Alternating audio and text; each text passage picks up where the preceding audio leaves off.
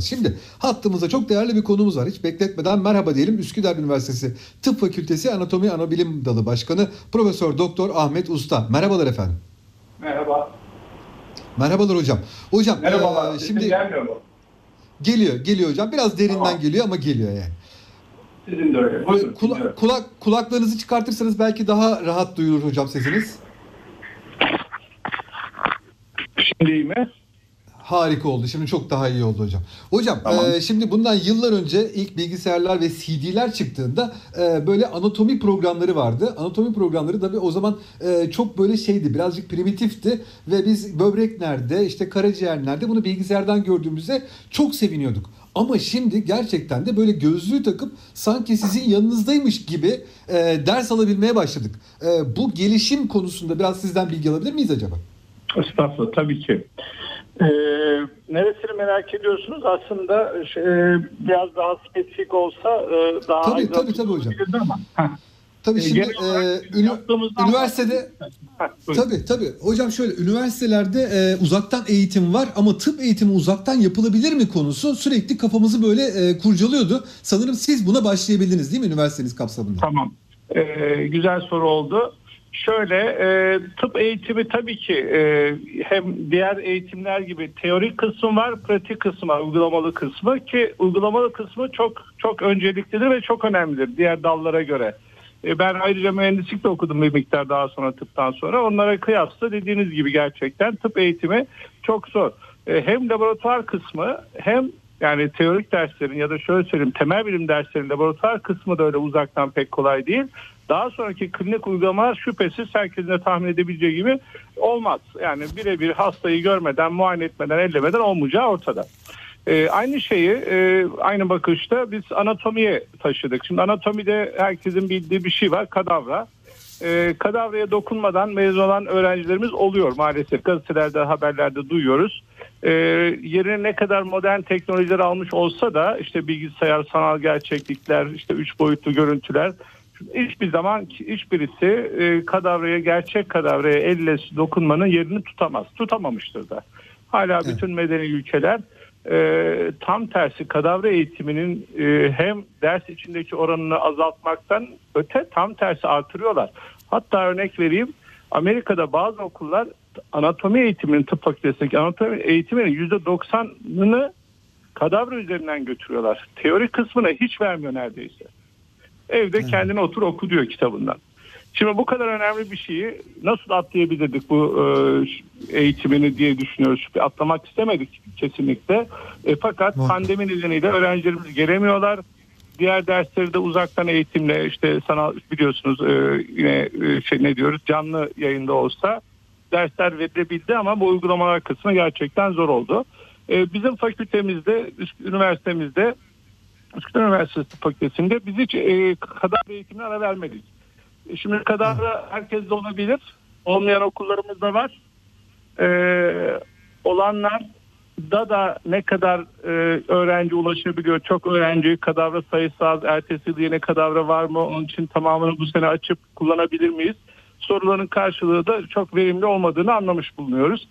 Bizde e, kadavramız yeterince var ve bunu da birebir öğrencimize açtırıyoruz. Hani önceden açıp da işte bu şudur şudur göstermiyoruz. Öğrenci kendisi açıyor. Açarken çok daha iyi öğrendiğini biliyoruz. E, pandemi koşullarında bütün öğrenciler gelemedi. Bundan uzak kalındı.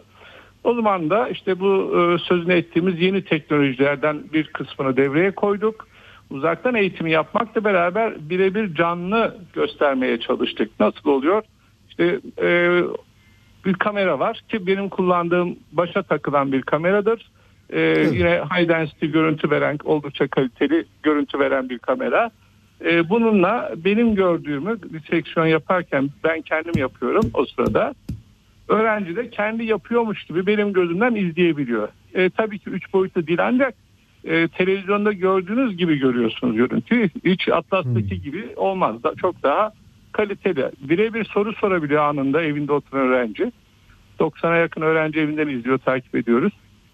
Öğrenciler de ben de konuşabiliyorum, onlar da benimle konuşabiliyor. O sırada salonda olan diğer öğrencilerimiz de duyuyor. Dolayısıyla ve diğer evinde oturan herkes duyuyor. Bir sorunun karşındaki cevabı herkes duyuyor. Başka soruları dolayısıyla sınıf ortamındaymış gibi tartışma ortamı yaratılıyor. Bu çok önemli. Çünkü bazen aklına gelmeyen soruyu başkası soruyor. O da o konuda kafasına bir fikir uyanmış oluyor. Bu çok önemlidir. E, ders yani e, uzaktan eğitim hani böyle kayıtları var biliyorsunuz. Hocalarımız evlerinde ya da ofislerinde kayıt yapıyorlar, ders anlatıyorlar. Sınıfta birisi varmış gibi ama kimse yok. Anlatıyor. Bunlar kayda konuyor. Daha sonra istediği zaman öğrenci izliyor. Bu e, Peki. bu anlamda yetersiz kalmaktadır. Öğrencinin o sırada öğretmenin anlattığı ya da hocanın anlattığı bilgideki eksikliği ya da kafasında kalmış eksikliği soramıyor. Bunun önüne geçmenin yolu canlı ders dediğimiz bu karşılıklı interaktif her iki tarafında birbiriyle konuşabildiği ders çok önemli. Bunu kadavraya taşıdık. Çok memnunuz. Öğrenciler de son derece memnun. Katılım çok çok çok beklediğimiz üzerinde. Ee, ve de dediğim gibi ben kendi açımdan gördüğümü yansıtabildiğim için son derece memnunum. Tatmin edici dersler oluyor. Hocam şimdi şöyle siz bu konuda Türkiye'nin önde gelen hocalarından birisiniz. Yüzlerce binlerce öğrencinin e, doktorluğuna katkıda bulunmuş bir hocasınız. E, sizin içinize siniyor mu bu yani? Benim Kafaya takılan bir kamerayla. E, sizin içinize siniyor mu böylesi bir eğitim? Yani siz çünkü e, onay veriyorsanız e, bu doğru bir şeydir çünkü benim için. Şimdi şöyle e, biraz daha samimi konuşmak gerekirse şimdi e, hiçbir şey zorla olmaz zaten biliyorsunuz. Evet. En iyi ben Çapa'dan emekliyim. E, 30 yıl kadar orada hocalık yaptım. E, orada da öğrencimiz ilgisizse siz getirip de zorla elinde bir sürü tut şunu kes bunu ayır diyemiyorsunuz. Doğru. Bu, bu zaten hepimiz üniversite okuduk. Sizler de okumuşsunuz. Lise, ortaokulda. Öğrenci istiyorsa zaten ne demek öğrenci eski adı talebedir. Talep etmesi lazım. Evet. Kendisi öğrenmeyi arzu ettikten sonra ne kullanırsanız kullanın. Ne yaparsanız yapın. Bir kitapları da ezberleseniz sonuçta onun aklında bir şey kalmaz. Uygulayacak bir bilgiyi sindirmez edemez. Şimdi bu bu yola bu gözle bakarsak Burada öğrencilerimiz bizi itiyor zaten. Biz istiyoruz belli. Yani hangisi kim ne öğrenmek istiyor. Öğrenmek isteyen gerçekten çadırda da elinde eski kitaplardan, yüzyıllık kitaplardan da okuyarak bir şey öğrenebilir. Önemli olan öğrencinin bu arzusudur. Bizlerin yaptığı onlara yardımcı olmak, yol göstermek. Şu anda dediğiniz karşılığı biz eksik tutmuyoruz. Şimdi bunu bulamayan da var demek istemiyorum tabii ki. Fakat Muhakkak. ee, öğrenciler çok mutlu ama dediğim gibi zaten birçok öğrenci birçok okulda e, şimdi genel bir ülke sorununa aslında değindiniz. Ee, kadavra var mı yok mu soru işareti var ama yok bir. İkincisi var ne işe yarıyor? Kim ne öğretiyor? Öğretenler biliyor, bilerek mi öğretiyorlar? Ta 3 sene önce açılmış bir şey kurumuş artık renginden hiçbir şey ayırt edemiyorsun. Bu şudur şudur budur deyip önünde bu tekrarlanınca öğrenci ne kadar öğrenmiş olabiliyor? Şimdi bunlar hepsi soru işaretidir. Şimdi bunun karşılığında ben şöyle söyleyeyim size. E, olabilenin en iyisini yapıyoruz şu anda. Daha iyi yolları var mı? Tabii ki bunun en iyi yolu öğrencinin gelip birebir kendisinin işte 6 öğrenci bir kadavra günde 10 saat diseksiyon yapması ki öyle okullar var dünyada. Tamam? Bunlar Evet. gece 12'ye kadar açıktır salonlar. Gece 12'ye kadar öğrenci çalışır. Öğlenden sonra 2'de başlar. Dolayısıyla bunu sağlayabiliyor mu ülkemiz? Hayır. O kadar kadavra devlet okullarında hiç yok desem yeridir. Yani olanı var tabii ki. Dolayısıyla şuna genelde bakarsanız e, maalesef birçok konuda diğer tıp, e, tıp dışı eğitimlerde de birçok eksiğimiz var. Üniversiteli olarak bunu rahatlıkla söyleyebiliyoruz maalesef. Üzülerek ve rahatlıkla. Bildiğimiz Evet. için rahatlıkla söyleyeyim diyoruz. Şimdi bunun karşılığında dediğim gibi yapılana bakarsanız şu anda bizim yaptığımız ya da öğrencilerimizin ulaştıkları şu olanak çok çok çok piyasanın üzerinde. Bunu rahatlıkla söylüyoruz. Tamam. Yoksa iyinin, kalitenin, mükemmelin sonu yok. Sonu yok. Muhakkak, Bunu muhakkak. üstüne keşke olsa. O ayrı. Hani bu yeterlidir demek istemiyorum hiçbir zaman. Bilim adamına hiçbir şey yetmez. ki, Öğrenmek için hiçbir şey yetmez. Ne kadar eksik düşün, olduğunuzu düşünürseniz o kadar çaba içine girerseniz o kadar da memleket içinde, kendi içinde ve bilim adına katkıda bulunmuş olursunuz. İlerlemenin yolu buradan geçer zaten. Hocam son olarak size şunu sormak istiyorum. Şimdi e, siz bu cihazları, aletleri uzaktan eğitimi özellikle e, baktınız. Şimdi sürekli tıpta şey konuşuluyor. Uzaktan yapılması muhtemel operasyonlar konuşuluyor. E, sizce buraya doğru bir gidişin ilk ayağı olabilir mi sizin attığınız bu adımlar? Şimdi onda hiçbir sakınca yok. Bakın e, bilginin paylaşılması esastır. Bir bilimsel tarihte bilimin tarifini yaparsanız bilginin paylaşılması esastır ve bunun da karşılığı parayla şunla bununla ölçülemez.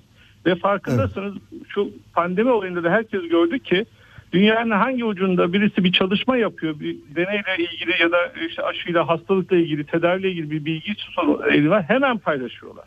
Kimse karşılığında ben ne alırım, ne yaparım, bu bana fayda sağlar mı demiyor. Bilim insanlarının kafası yapısı budur. Böyle olmak zorundadır. Bilgi paylaşılmalıdır. Aynı şekilde ameliyatta da diyorsunuz diyelim uzaktan ameliyat eğer hastanın yararına ya da ulaşamıyorsa gerçek yere niye olmasın? Çok da güzel bir şey. Ben ayrıca söylediğim gibi biyomedikal okumuş olmam sebebiyle bu teknolojide zaten uzak değilim. Yaklaşık 2000 yıldan 20 yıldır bu işin içindeyim ve bunlar insanlık e, insanlığa kazandırılmış birçok teknoloji var ve insan ömrünün e, ortalama ömrü de uzatılmıştır bunlar sayesinde. İlaçlar ve artı teknoloji sayesinde. E, mini robotlar var. Temelde şunu söyleyeyim ben. E, insan vücuduna bıçak yedirmek, kesmek, bir şeyi çıkartmak aslında en son tercih olmalı, en istenmeyen şeydir. Bunu da yapmak zorundaysak en en en küçük zararla yapmak yani en küçük kesiyle o yapı neyse çıkarmak istiyor ya da tamir etmeyi düşündüğümüz yeri kesmek biçmek bizlerin lehinedir hastanın lehine. Dolayısıyla bir gözün görebildiğinden daha iyi gören bir kamera, bir robot bizim parmaklarımızın girebildiği yerden daha küçük bir yerden giren bir robotun parmakları e, hasta için son derece büyük katkıdır. Bunları tabii ki kullanacağız gelecek. Uzaktan ameliyat diyorsunuz. E, uzaktan ameliyatı yapabiliyorsa mükemmel. Herkes her yerde çok iyi cerraha ulaşamıyor. Şimdi cerrahın bilgisini tartışacaktım ama el yeteneği var. Elindeki aletin kapasitesi var. Ve herkes e, en mükemmel teknolojiye ulaşabilmiş değil. Ülkemizde de dünyada da. Bunu uzaktan yapabiliyorsak daha ne istiyoruz? Evet, evet, evet. Yani böylece insanların vaktini de doğru kullanmış ve değerlendirmiş oluruz belki de. Yani dünyanın hani hep filmlerde görürdük. Amerika'da bir hoca varmış, onun getirtmek için 100 milyon gerekiyormuş filan gibi şeyleri filmlerde görürdük. Şimdi belki de onlara gerek bile kalmayacak değil mi hocam? Şöyle, şimdi tabii benim konumun dışında bunlar ama teknoloji Tabii, tabii, açısından tabii, tabii. konuşursak, teknoloji açısından konuştuğumuz zaman bilginin transferi çok önemlidir. Bunu bakın oral yolla da ağızla sözlü ya da video eğitimleri de yapabilirsiniz. Uzaktan yine eğitim göstererek ameliyatı ta- ta- e, tarif ederek çünkü e, böyle bir e, ne diyeyim e, turizm demek istemem ama öyle bir turizm bile var. E, belli ülkelerden diyelim 3.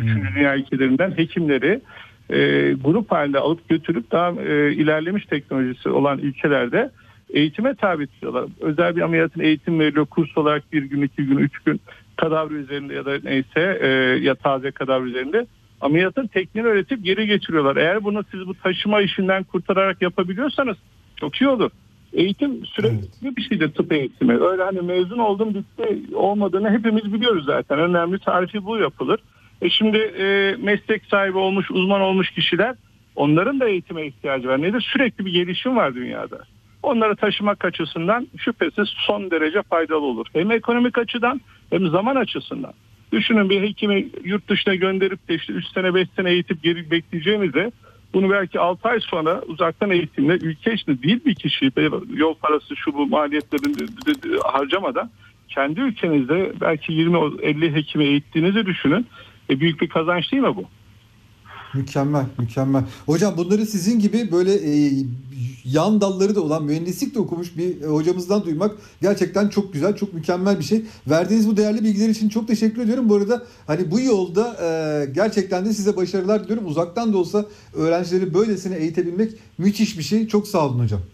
Estağfurullah çok çok teşekkürler. E, iyi yayınlar diliyorum. Saygılar sunuyorum efendim.